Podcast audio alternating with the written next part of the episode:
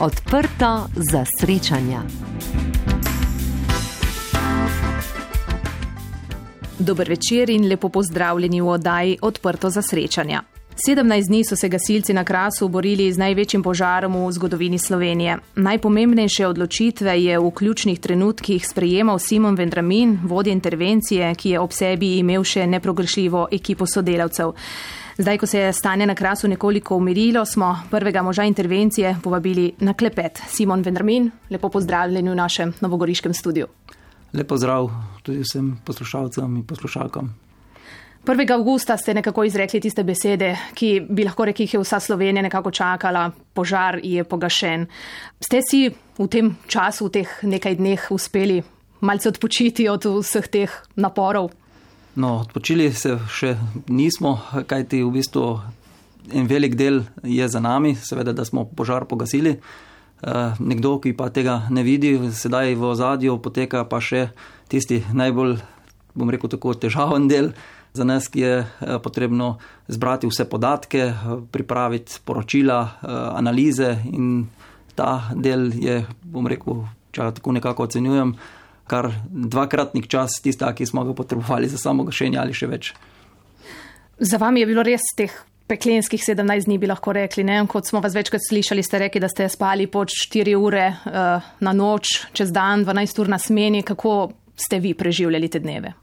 No, ne samo jaz, ampak tudi moji kolegi, eh, ki smo bili v samem vodstvu in pa prav tako tudi nekateri na samih ključnih točkah, samem požarišču oziroma na terenu, ki so vodili določene sektorje. Smo res dan za dnem eh, hodili zgolj domov, samo spat, tiste bore 4 ure in vsak dan po istem kopitu opravljati eno in isto eh, nalogo, delo, ki smo ga pač imeli. Kdaj se je začela vaša pot v gasilskih vodah? Ste že od malih nog vedeli, da želite to početi? No, sam sem pristopil v gasilske vrste, ko sem imel 8 let. Tja so me pritegnili v bistvu prijatelji. Takrat sem pristopil v prostovoljno gasilsko društvo Nova Gorica kot pionir, nadaljeval kot mladinec, pripravnik in seveda postal tudi operativni član. Eh, na kar nekaj let kasneje tudi poveljnik društva. Na to pa je bil razpis eh, za štipendijo, ki ga je objavila takrat mestna občina Nova Gorica. Seveda sem se tudi prijavil, bil izbran in nadaljeval seveda šolanje na fakulteti za kemijo in kemijsko tehnologijo, tam tudi diplomiral in seveda postal, opravil potem tudi šestmesečno šolanje kasneje za uh, poklicnega gasilca. Bil eno leto tudi v sami izmeni, eh, potem se zaposlil kot eh, na delovno mesto, takrat, ko se je odpiralo novo delovno mesto, kot vodja razvoja in to nadaljeval svojo kariero kot eh, poveljnik poklicne gazilske enote, katero pač zdaj sedaj opravljam že celih 15 let. V vseh teh letih verjetno ste imeli že kar nekaj intervencij, katera se vam je mogoče najbolj vtisnila v spomin? No, vsaka intervencija se vtisne po svoji plati v spomin. Teh intervencij je bilo seveda ogromno za mano, predvsem tudi teh večjih, ko je bilo potrebno aktivirati državni načrt. Eh, vsaka je po svojem načinu nekako edinstvena in seveda tudi pusti nek spomin oziroma občutek v sebi, ki ko vidiš, v bistvu, kaj se v bistvu lahko zgodi in kako lahko v bistvu dejansko pomagaš tudi, ko pride do take situacije. Kako bi pa opisali to zadnjo intervencijo? Je bila ena najzahtevnejših vaših? No, najzahtevnejša, seveda, vsekakor, glede časovno opredeljeno, vsekakor tudi v bistvu zelo stresna in tudi, bom rekel, uh, zahtevala kar veliko truda, kajti uh, dan za dnem, kot smo prej že pomenili, uh, zelo malo spanja, vsak dan pod nekim stresom, nekim naporom, pusti za sabo neko utrujenost, ki se mora biti niti ne pozna. Eh, takrat, ko si v tem stanju, ko upravljaš to nalogo, ampak eh, to pride na plan šele kasneje, ko se enkrat umriš, ko pusti adrenalin in pride vse to za tabo, ta utrujenost, eh, da vidiš, da res telo spraviš do take mere, da ne zmoreš več. 17 dni smo rekli, ste se borili s temi ognjenimi zubli, začelo se je nekako tisti petek, ne, 15. julija, s tem uh, požarom med Mirno in Lokvico, ampak takrat ste pravzaprav dokaj hitro ta požar pogasili. Ja, prvi požar tukaj na Goriškem krasu, če gledamo tako v sklopu vseh teh 17 dni, ki smo jih preživeli na krasu, je bil, da smo najprej imeli požar ob samem cestišču na lokaciji, se pravi Miren, opatje selo. To je bil prvi požar, ki smo ga v petek nekako v večernih urah omejili. Seveda, naslednji dan, soboto, smo tu imeli postavljeni tudi požarno stražo in požar je bil nekako pod kontrolo. Na kar smo v nedeljo, v dopoldenskem času, pa bili obveščeni, da nam gori na renški strani, se pravi renški vrh, in seveda tisti dan smo imeli tudi uh, burjo.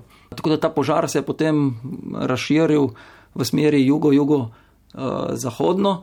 No, tudi ta požar, moram reči, ob aktivaciji državnega načrta, kajti eh, glede na razsežnost eh, samega požara, ne samo omenim, da hitrost širjenja požara v dveh urah eh, je naredil po cel kilometr dolžine. In zato je bilo v bistvu potrebno aktivirati tako zračne sile, kot tudi ogromno število sil iz bližnje in se pravi širše okolice da smo ta požar nekako v dveh oziroma treh dneh tudi nekako spravili pod nek nadzor, kontrolo. Na kar, eh, ko smo že mislili, da smo že z temi požari nekako zaključili, smo na italijanski strani vzdolž, bom rekel, železniške proge eh, Trst eh, Gorica opazili več manjših stebrov dima. Večino teh požarov je, jim je uspelo seveda tudi pogasiti, eden pa žal tudi ta pri Tržiču, jim je nekako ušel izpod nadzora in se eh, usmeril v smeri proti Grižniku. Tukaj, ko smo v bistvu opazovali to stran izdaleč, eh, nas je zaskrbelo najbolj to, da ta požar seveda naj ne bi prišel na našo stran. In prav to, nažalost, se je tudi v naslednjih dneh zgodilo in požar se je dejansko razširil po pobočju na vzgor in seveda se združil naslednji dan tudi z dvema že požarama, ki smo jih tam že obvladali in tako so bile na tem strani tudi ogrožene na vrhu, na tej planoti, kraški, goriški kras, goriškem krasu, ogrožene tudi določene vasi ko sem bila na terenu, ko sem nekaj dni spremljala, sem v bistvu tudi sama nekako opazila, oziroma moje mnenje so se ustvarila, da eh, če ne bi prišel ta požar z italijanske strani, da bi eh, v bistvu vi obvladali ta prvoten požar že takoj parih dneh. Ne? No, sej mi pravi, mi smo imeli v dveh oziroma treh dneh eh, oba požara že pod, pod, popolnoma pod nadzorom. Izvajalo se je tudi že čiščenje samega roba požarišča, zalivanje roba uh, in izvajala tudi že gasilska straža. Eh, na kar, kot sem rekel, je pa ta požar eh, prišel iz Italije, zelo hitro se je širil, ker je šlo v vršni požar s pomočjo, se pravi, tudi eh, vetra in hitrost širjenja takega požarja je bila bliskovita in ni bilo drugega, kot bom rekel, glede na to, da so bile vasi ogrožene, potrebno dodatno aktiviranje dodatnih sil iz preostalih regij. Eh, in prav, prav tako tudi pobrati sile, ki so bile že trenutno na terenu in jih preusmeriti v bolj kritične točke, kot je varovanje hiš vasi. In tu v bistvu sta se dejansko ti požari nekako združili. Eh, tale potem požar pri Lokvici se je pozneje, kasneje potem še razširil, ponovno šel v vršni požar in se razširil proti Mirnu. Ta, ki je vzopšel, če pogledamo vas, Kostanjevcev, vzhodneje, je pa preskočil tudi eh, to prepreko, ki smo jo dejansko skupaj z gozdari preventivno poskušali že vnaprej, ko smo predvidevali sam razvoj požara, narediti, eh, kljub temu, da smo posekali ob poti določen, določeno traso, da se požar ne bi preskočil, nas preskočil, kajti preskoki teh požarov so bili, ko, si, ko je šlo vršni požar, tudi po 200-250 metrov in tako je preskočilo tudi na nadaljni hrib eh, Trstel in se potem počasi nadaljevalo uh, naprej. Seveda ta požar smo potem uh, tudi nekako uspeli v naslednjih dneh pogasiti, uh, na kar smo potem, mislim, da čez dva dni, ne me vzeti prav za besedo, uh, ker tudi sam po pravici povedano nisem niti vedel, kateri dan smo na terenu, kateri dan je. Smo imeli kasneje, en kilometr kasneje, uh, na občini Komen, nov požar, ki se je pač kasneje tudi izkazalo, da je šlo za naravni pojav, se pravi udar strele na samem uh, ovčjaku, se pravi pri uh, lipi med lipo in škrbino. Vem, da ne želite govoriti o vzrokih uh, požarov, da je to pač stvar uh, policije. Vedno rečete, da so oni tisti, ki morajo to raziskati. Ampak uh, glede na vsta razvoj mogoče dogodkov, eno vaše mnenje, je mogoče šlo vseeno za kakšen človeški faktor, ne da bi bil požigalec, ampak ne vem, mogoče glede na to, da je najprej zagorelo ob cesti med Mirnom in opatim selom, je mogoče, da je bil, ne vem, vzrok kakšen cigaretni ogorek ali, ne vem, razbito steklo. Je možnost, da ob takih suših sušnih razmerah in vročini, da se tudi s pomočjo tega sproži ta požar. No, glede vzrokov eh, požarov, je res, da so to pristojne druge službe, ki se s tem tudi sedaj aktivno ukvarjajo in preizkujejo, zakaj je sploh do tega prišlo. Izključuje se vrsto teh različnih dejavnikov, seveda pa tukaj obstaja možnost vsekakor tudi, da je možen povzročitelj tudi človeških faktor, kar je tudi v največjih primerjih vseh teh požarov težko je karkoli napovedovati, eh, obtoževati, ker v bistvu, eh, dokler nekoga ne dobiš pri samem dejanju, je to eh, nemogoče. Tako da verjetnost pa je, da je pri tem obstajala tudi človeški faktor.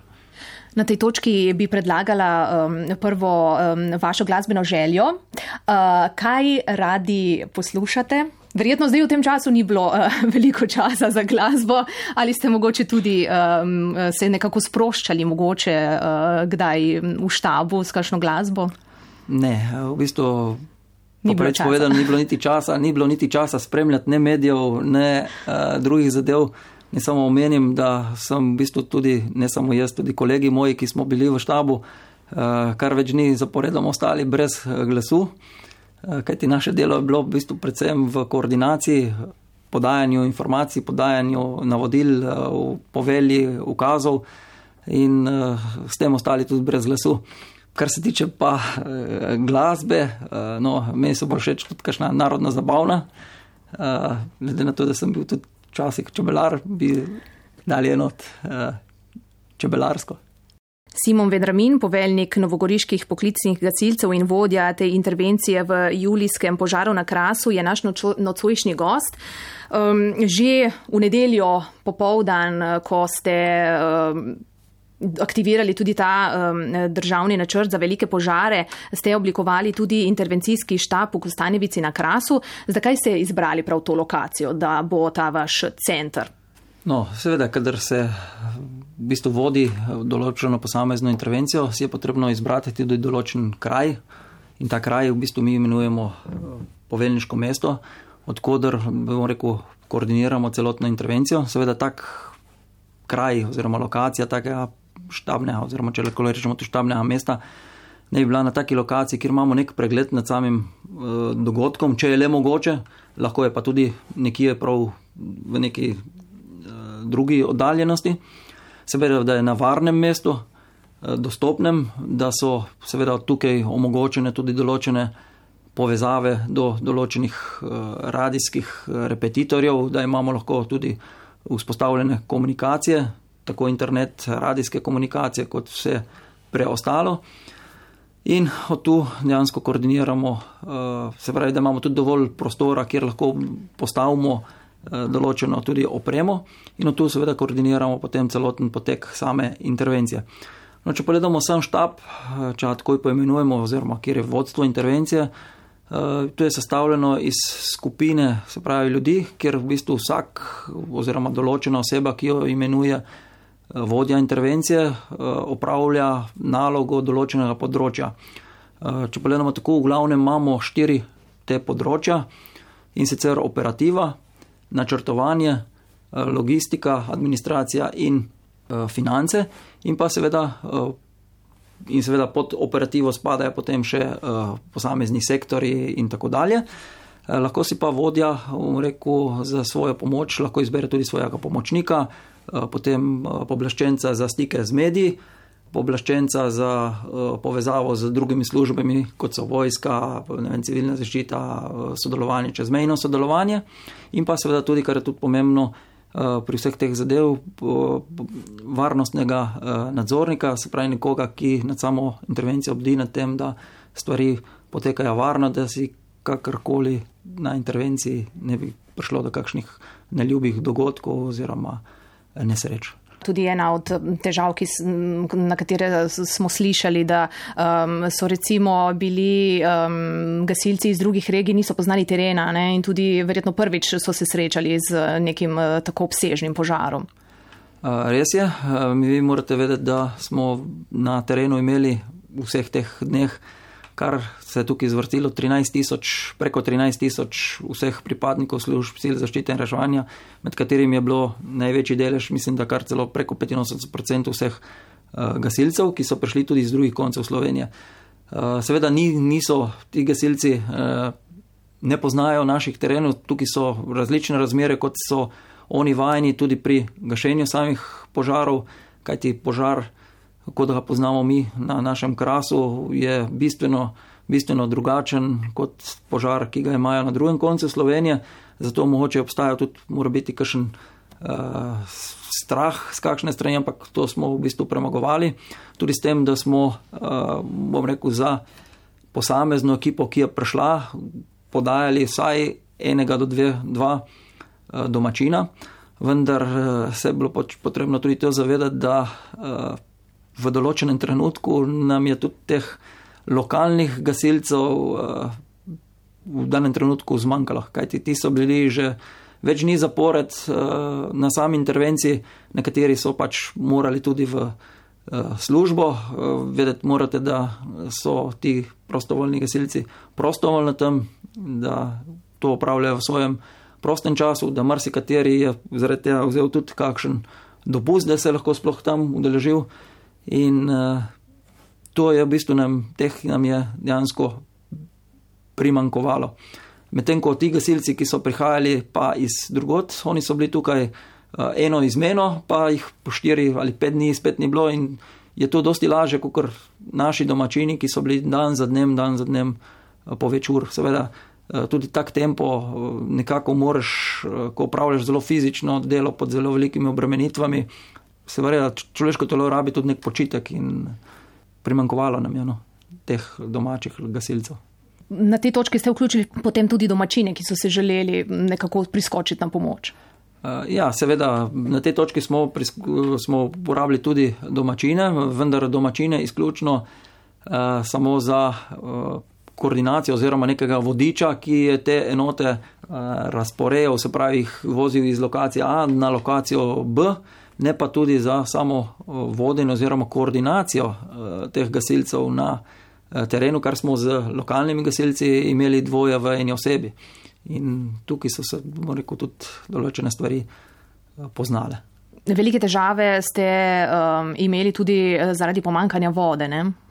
Res je.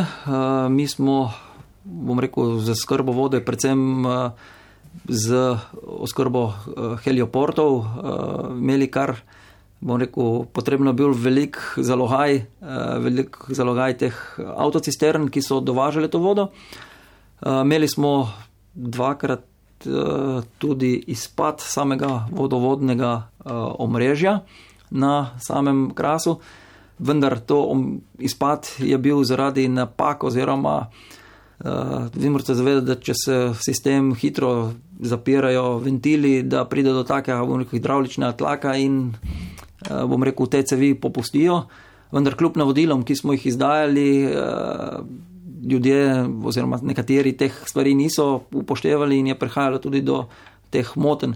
Seveda pa smo morali v sklopu in v skladu z službami, ki skrbijo za vodo skrbo, se dogovarjati, eh, kje je tisto najboljše odzemno mesto, ki nam bo zagotavljalo te potrebe za dostavo vode, se pravi na sam teren. Tako da smo vodo Eh, odhajali tudi v dolino iskati eh, na določena eh, mesta, kamor so nam določili služba, ki skrbi za vodovodno omrežje. S tem ste imeli potem tudi več teh logističnih težav, ne? tudi več časa verjetno je potem bilo potrebno ne? za polniti heliporte.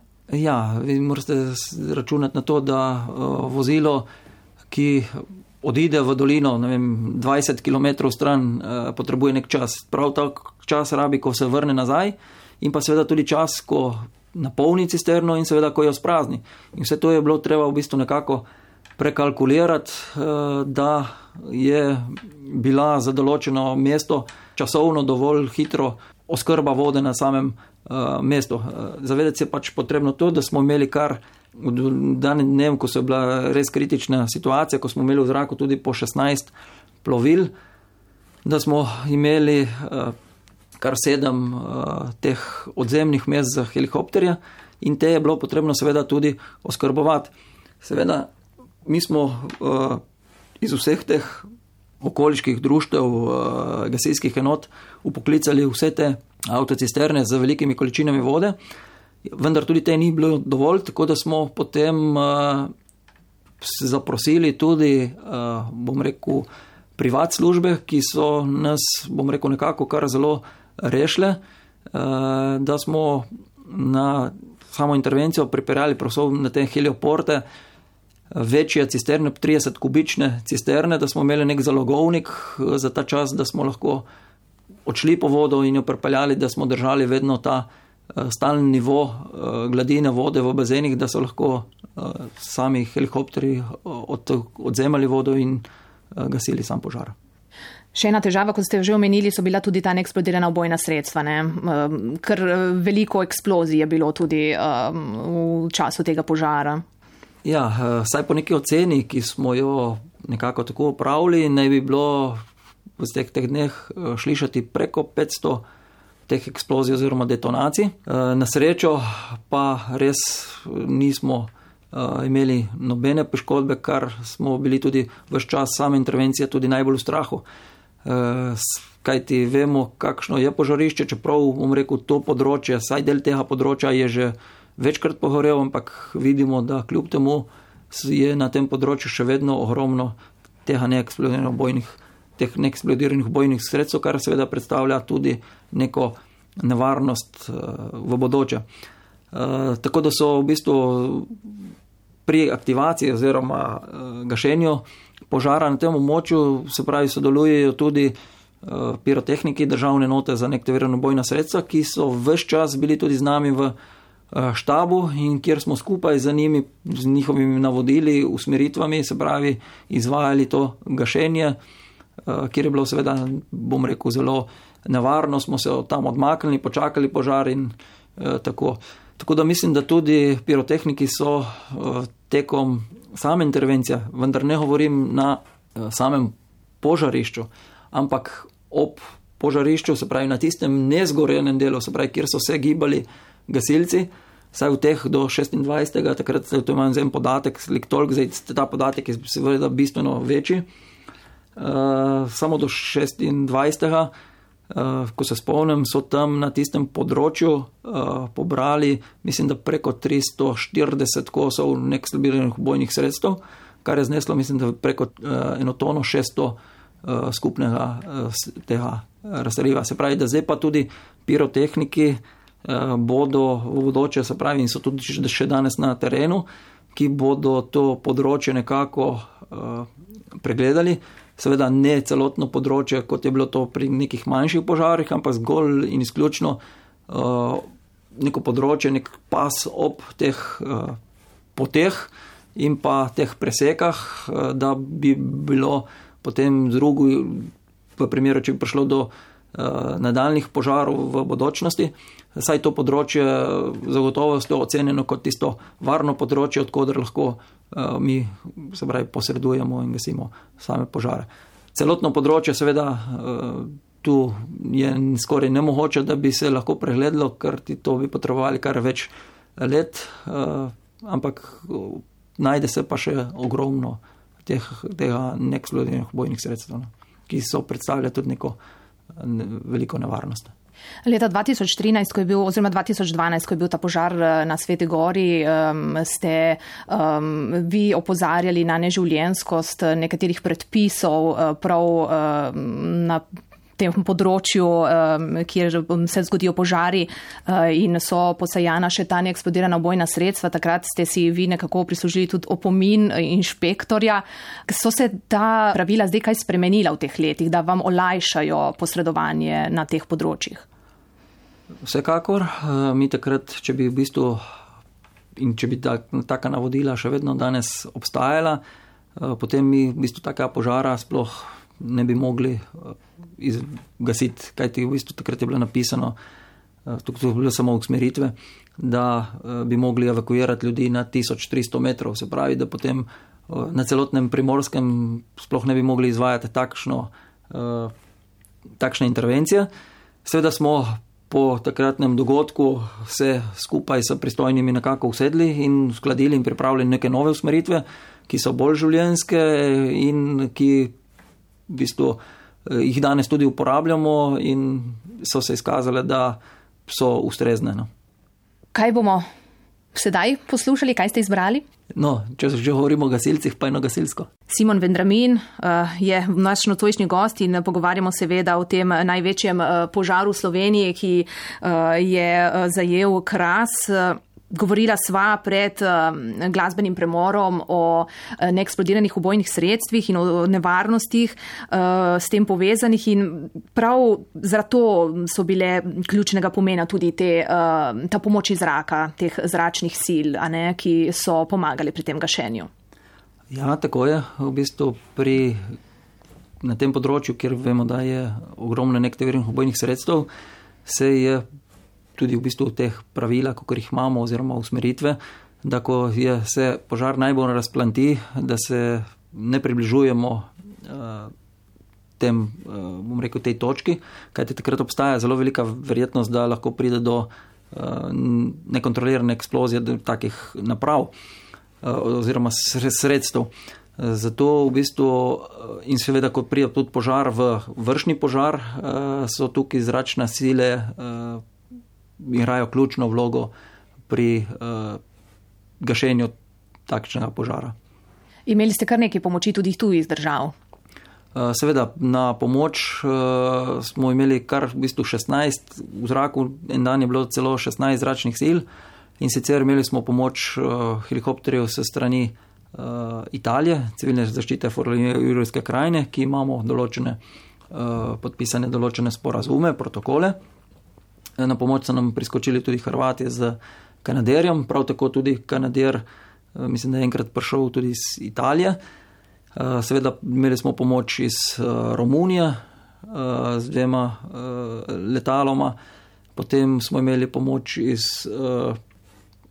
Srbije, tudi z dvema helikopterjema, pa iz Avstrije je prišel helikopter, pa tudi iz Mačarske, tudi dva helikopterja pa iz uh, Slovaške je prišel tudi helikopter, pa komplet ekipa z oskrbo uh, samih uh, helioporta in dovozom, se pravi tudi vode. Kdo je vse te zračne sile, kdo jim je poveljeval in na kakšen način ste uh, jih usmerili, kam naj grejo gasiti? No, mednarodna pomoč uh, iz tujine poteka po več bom rekel, načinih in sicer po nekih bilateralnih uh, sporazumih, protokolih, ki jih imamo, naprimer kot z uh, Italijo, ko imamo sporazuma podpisana, medtem ko druga pomoč uh, je pa prihajala po sistemu mehanizma evropske pomoči, uh, kjer se v bistvu članice Evropske unije v bistvu zaprosijo ostale članice. Uh, to postaje nek sistem v Bruslju, tako imenovani v neki z bazo, kjer se v bistvu vsaka država prijavi, kaj v bistvu potrebuje.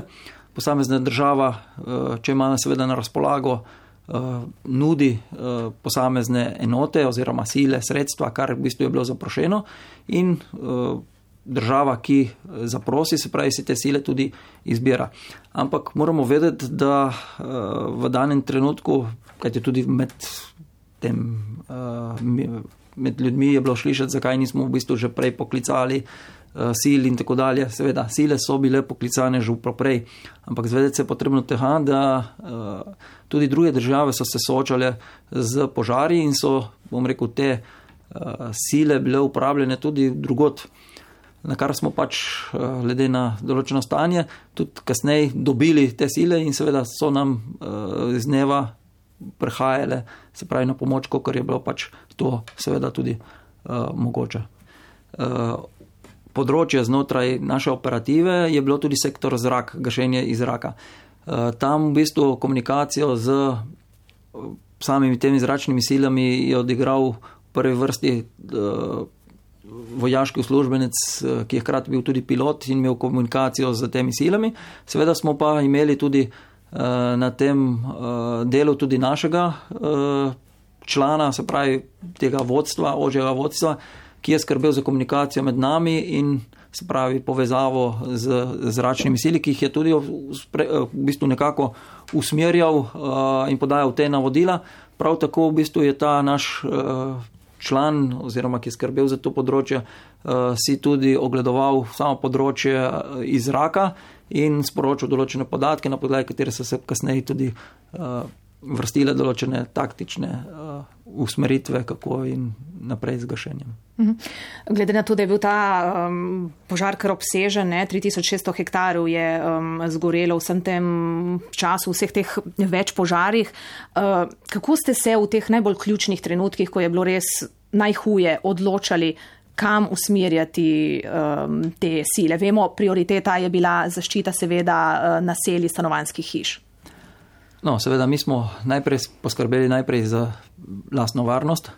Seveda, druga zadeva je bila pa, da smo poskušali ohraniti v bistvu vasi, objekte eh, in na podlagi tega, glede na razmere, kako so se eh, dogajale v danem trenutku, te sile nekako razporejati, se pravi, iz gašenja gozda, prerasporejati, se pravi, na bolj ključne točke, se pravi, ko se je požar približeval samim vasem uh, in tako dalje. Spravi, naša prvoglavitna naloga je bila varovanje najprej objektov in zato smo v bistvu nekje odzeli, da smo nekje lahko tudi dali, kajti v danem trenutku, uh, kajti razmere tudi na samem požarišču so se uh, zgodile v pol ure, so se zgodile neke spremembe. Uh, aktivacija uh, dodatnih sil, uh, kljub temu, da smo jih aktivirali, je bil prihod uh, daljši, tudi po eno, dve uri, ko so prihajali iz drugih uh, drugot iz Slovenije in pač v dani situaciji ni bilo drugega kot od nekje odzeti in jih prerasporediti na tiste bolj ključne uh, točke. In tako je v bistvu potekalo neprestano to, uh, rekel, prekladanje teh sil, gor pa dol, uh, glede na potrebe na posamezni lokaciji po samem uh, požarišču. Ena ključnih točk je bil tudi trstel, ne? Ena ključnih točk seveda je bil tudi trstel, kajti vemo, da eh, na trstelju je seveda tudi eh, ta radijski oddajnik. Prav tako imamo tudi mi postavljene vse te naše zveze eh, radijske, preko katerih smo dejansko tudi komunicirali.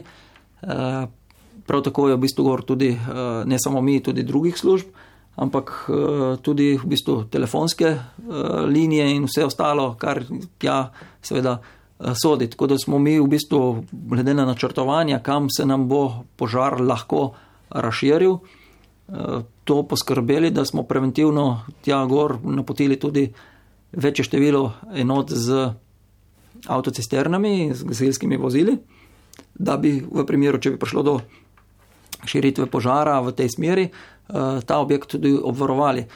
Eh, in seveda s tem namenom, kajti na Trstel vemo, da vodi samo ena pot in če bi v bistvu to pot zajel že prej požar, se pravi, tja gor teh sredstev ne bi mogli napotiti, zato so bile predhodno tja gor uh, vzpostavljene te enote, ki so preventivno, uh, seveda predtem tudi okrog teh objektov posekale samo ta drevesa vejevje, da so, bom rekel, nekako ločili ta gorljivi pas od teh objektov in seveda preventivno tudi že okrog objektov požgale določene površine, da eh, je bi, če bi prišel, prišel požar, tudi kontrolirano, uh, hitreje in bolj varno obvarovali tudi sam objekt. Na pomoč pa ste, kot ste dejali že na začetku, priskočili tudi v Italijo. Tja ste tudi poslali nekaj enot, če se ne motim, prav te kraške gasilske zveze, da so pomagali tam tudi eh, zaščititi te stanovanske objekte tam v Jamljah. No, to je bilo, ko je italijanom rekel, uh, ta požar se preko hriba Grižnik, če se ne motim, navzdol uh, širil, ko je bila ogrožena vas Jamlja, seveda in seveda na naši strani tam Klariči. So italijanski kolegi prišli do našega, bom rekel, štaba in prosili, če jim lahko zagotovimo določene uh, pomoč uh, v silah, da bi v primeru, če bi prišel požar in kar se je kasneje tudi zgodilo, uh, do same vasi obvarovali uh, te vasi. Tako da smo že tisto noč takoj, bom rekel, oduzeli nekaj enot iz samega požarišča, ki je skrbela za takrat še gasilsko stražo na samem požarišču in napotili na varovanje samih, same vasi. Tu niso bili samo gasilci iz uh, Kraške gasilske zveze, ampak tudi Severno-Primorske in pa mislim, da tudi iz drugih uh, regij, ki so uh, bili tisti noč predpisane za upravljanje tiste gasilske uh, straže. No, ta pomoč, če pogledam tako, se je uh, zgodila po tem sporazumu, ki smo ga pravkar pred 14, dobrimi 14 dnevi nekako podpisali v sklopu tega projekta Crossy Safer, ki uh, obravnava to Eh, pomoč med gasilskimi enotami vzdolž celotne meje eh, za Republiko Italijo, tega 20-km pasu, eh, z celotno mejo vzdolž državne meje za Republiko Italijo in se je skazalo kot zelo učinkovita in se pravi uspešen sporazum. Na kar v bistvu naslednja pomoč, ki je sledila, pa je bila potem teden zatem, ko je pa zagorelo na italijanski strani vizavi uh, Lokvice, uh, ko je šlo pa za pomoč, nudenja pomoči v, bom rekel, pehotih, pehotnih silah, ko je šlo pa za sporazum, ki je podpisan med Forlanijo Julijsko krajino in civilno zaščito in seveda našo upravo za zaščito Republike Slovenije za zaščito in reševanje. Eh, na podlagi katerega smo pa mi že predhodno koristili tudi uh, helikopterske sile, ko so pa uh, nam prišli na pomoč ob gašenju teh dveh predhodnih uh, požarov z helikopterjem. Simon Vendramin, eh, več kot 13 tisoč gasilcev eh, z vseh eh, gasilskih regij Slovenije je prihajalo na pomoč in prav ta njihova nesebična pomoč je tudi v domačinih zbudila to neizmerno hvaležnost. To so izražali tako s prinašanjem hrane in pijače. Drugi postovoljci so gasilce potem oskrbovali s temi dobrinami, drugi so pomagali pri žaganju dreves za požarne preseke. Čakali so vas, ko ste prihajali oziroma odhajali prihajali z izmene uh, in vam mahali, ploskali in tudi. Stotine napisov je bilo ob um, poteh, ob cestah, um, zahvale pač gasilcem. Kako ste vi vse to doživljali? No, to je bilo eno veliko doživetje, kajti vsak večer, ko smo se vračali domov, uh, nas je v bistvu ta sprejem domačinov, ki so nam ploskali, kričali. Uh, v bistvu se zahvaljevali, eh, prav rekel, dobesedno zmrazilo in nam seveda dalo tudi neko veliko novo energijo, da smo naslednji dan lahko spet se ponovno vrnili in nadaljevali z našim uh, delom. Tudi v bistvu, kar sem dobil se strani uh, kolegov iz drugih koncev Slovenije, je bilo tudi to zaključek, ko so ga pripravili, uh, ko so se enote prijavljale in seveda odjavljale na samem tem prijavnem mestu, ko so organizirali uh, razno, zbirali razno prehrano in to, da je bilo nekaj res izvrstnega in da še dolgo ne bojo tako tega pozabili, eh, kako smo v bistvu domačini tukaj vsi skupaj stopili skupaj in pokazali, da ob, eh, kaj v bistvu zmoremo ob takih eh, izrednih razmerah. Zdaj, tle na krasu smo pogosto priča tudi tem požarom. Zadnji je bil leta 2019 na Cirju in zdaj se veliko govori o tej preventivi. Kaj bi bilo po vašem mnenju nujno um, za to, da na krasu se ne bi več dogajali tako veliki požari? No, veliko je stvari, ki bi jih bilo potrebno najprej na preventivi narediti eh, in sicer, da bi se tukaj, po mojem eh, videnju, eh, naredilo, je to, da v bistvu najprej vsak, ki živi ob gozdu, se mora zavedati, da s tem živi tudi ob neki nevarnosti, če pride do požara. Da bi se morali vsi objekti, ki so v tem gozdnem področju, se pravi ob objektih, očistiti vsaj 50 metrov ob posameznem objektu, narediti neko čestino, da tudi če pride do požara, da ta požar ne more iti v vršni požar in potem prejsti na hiše, kot se je to zgodilo, naprimer pri sami koči, eh, ko je zgorela. Eh, pa ne krivim zdaj zaradi tega. Eh, da v bistvu uh, to je ena izmed teh stvari, druga zadeva, da se uredijo določene požarne preseke, določene požarne poti. Seveda se za ta uh, zavod za gozdove dobi tudi določena sredstva, vendar so ta sredstva bistveno uh, premajhna, kajti uh, ni dovolj denar samo zato, da se izgradijo nove. Te, te poti je potrebno tudi potem vsako letno vzdrževati, čistiti in da se te poti tudi bistveno, oziroma preseke bistveno uh, razširijo. Kajti pokazalo se je, da tudi te, ki so sedaj, so bistveno preoske za tak vrst požara, ko pride v tako fazo, eh, da to, ta požar lahko pride tudi preko teh presek. In seveda, da se uredi eh, tukaj verjetno tudi eh, problem, administrativni problem urejanja teh poti. Če je potrebno neko pot, se pravi, požarno preseko narediti, Eh, da se to naredi z nekim eh, interventnim ukrepom, ne pa da se v bistvu zaradi tega išče neke soglasje lastnikov eh, in s tem zamuja in podaljšuje ta čas, da se taka preseka naredi. Se pravi, kjer se preseka more narediti, je tukaj ukrep, izda neka odredba in ta brez nobenih soglasij, se pravi, tudi tako uredi, kot je pač to potrebno. Seveda, da bi se potem eh, eden izmed preventivnih ukrepov seveda bil tudi ta, da bi se določene, na določenih točkah eh, na samem eh, tem področju uredilo neka odzemna mesta, kot jih to poznajo tudi italijanski kolegi, ki jih imajo že fiksne neke zadrževalnike za vodo, ki so že tam fiksno napolnjeni in da v primeru, ko pride do potrebe, se pravi, helikopter preti odzame in prične z gašenjem. Eh, in seveda, da se te tudi seveda oskrbujejo, ne si bodi tako iz nekega eh, vodovodnega omrežja, da se to, bom rekel, nekako prepelje, da eh, je to vodovodno omrežje omogoča te kapacitete oziroma potrebe za gašenje.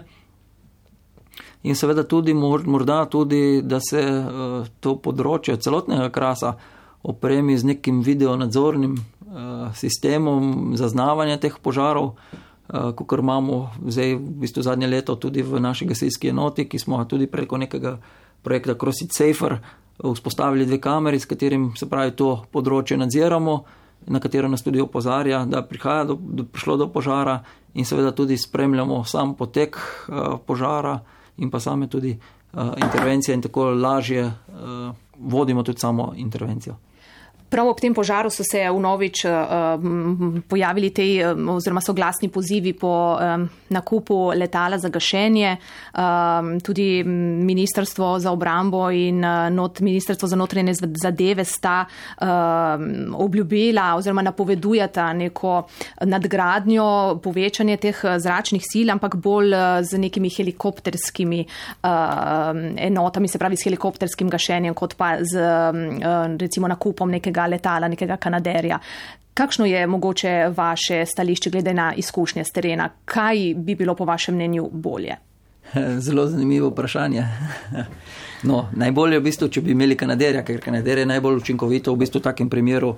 Letalo, ki v bistvu pripelje kar 6000 eh, litrov vode, zelo okretno, in ko to odvrže, v bistvu je učinek gašenja uh, odličen vendar se je tukaj pač potrebno spet vrniti dva koraka nazaj in vprašati, eh, ali je v bistvu takošno letalo za naš teren, za naše razmere res primerno. Kajti eh, ni samo to, da mi v bistvu nabavimo tako letalo, ampak je tukaj potrebno vedeti, da za tem stojijo še, bom rekel, določeni stroški vzdrževanja, določeni stroški, bom rekel, zaradi eh, pilotov, ki se morajo na tem usposabljati, da, to se ne zaključi samo pri tej zadevi, da kupimo letalo. Druga stvar pa bi takšno letalo v bistvu lahko uporabljali zgolj in izključno samo na tem, bom rekel, submediteranskem delu. Vemo pa, da danes imamo pa že požare, ki se idejo zmeram bolj v notranjost, tako da vprašljivost ali bila upravičenost takšne letala res primerna, ker ti govorimo o zelo visokih stroških mogoče bi tukaj razmišljali o za naše področje neko manjše letalo, kot so rekel, te air traktori, ki bi mogoče lahko bilo eh, bolj primerno z polovično eh, količino vode, eh, mogoče več, ker so tudi cenejša. ali pa seveda vsekakor lahko tudi določeni helikopteri, ki bi uh, bili namenjeni ne samo izključno za gašenje, ampak tudi za druge vrste uh, reševanj, uh, kot se dogodijo v gorah ali druge vrste in, intervencije ob naravnih in drugih nesrečah. Tako da o tej debati uh, je bilo, o tej, o tej debati je tekla že pred leti, uh, vendar takrat so bile razmere bistveno drugačne, kot so sedaj. Tako da zdaj tudi bi morali v bistvu se dobiti neka strokovna komisija, ki bi v bistvu te stvari malo preučila, predlagala in seveda tudi izbrala najprimernejšo in najugodnejšo uh, plovilo za to vrstne uh, gašenje. Verjetno bodo tudi te izkušnje zdaj iz tega požara mogoče kaj pripomogle k temu. Uh, nedvomno, v bistvu, če pogledamo tako, smo tudi uh, videli uh, učinkovitost teh uh, zračnih sil. Eh, ampak povdaril, bi rad povdaril samo to, da tudi uh, kljub temu, da opevamo tako kanaderje ali pa neke druge zračne sile, tudi te uh, morajo imeti določene pogoje, da lahko uh, izvajajo takšno gašenje. Kajti, naprimer, če lahko samo omenim, uh, ker je bilo tudi po teh spletnih medijih objavljeno, da je prišel vem, kanader iz Hrvaške, naredil en krog čez Kostanje in Cenobrno, seveda. Pilot je tisti, ki odloča o tem, ali bo v bistvu izvajal operacije v samem zraku in gasil, kajti tukaj pretehta, mora pretehtati tudi varnost. In če je v bistvu ocenil, da te varnosti ni, se pravi, da je preveč zadimljeno, da ne vidi, da ima premočne vetrove, se pravi, tudi ne vem, še kakšno zračno silo, plovilo ne more delovati.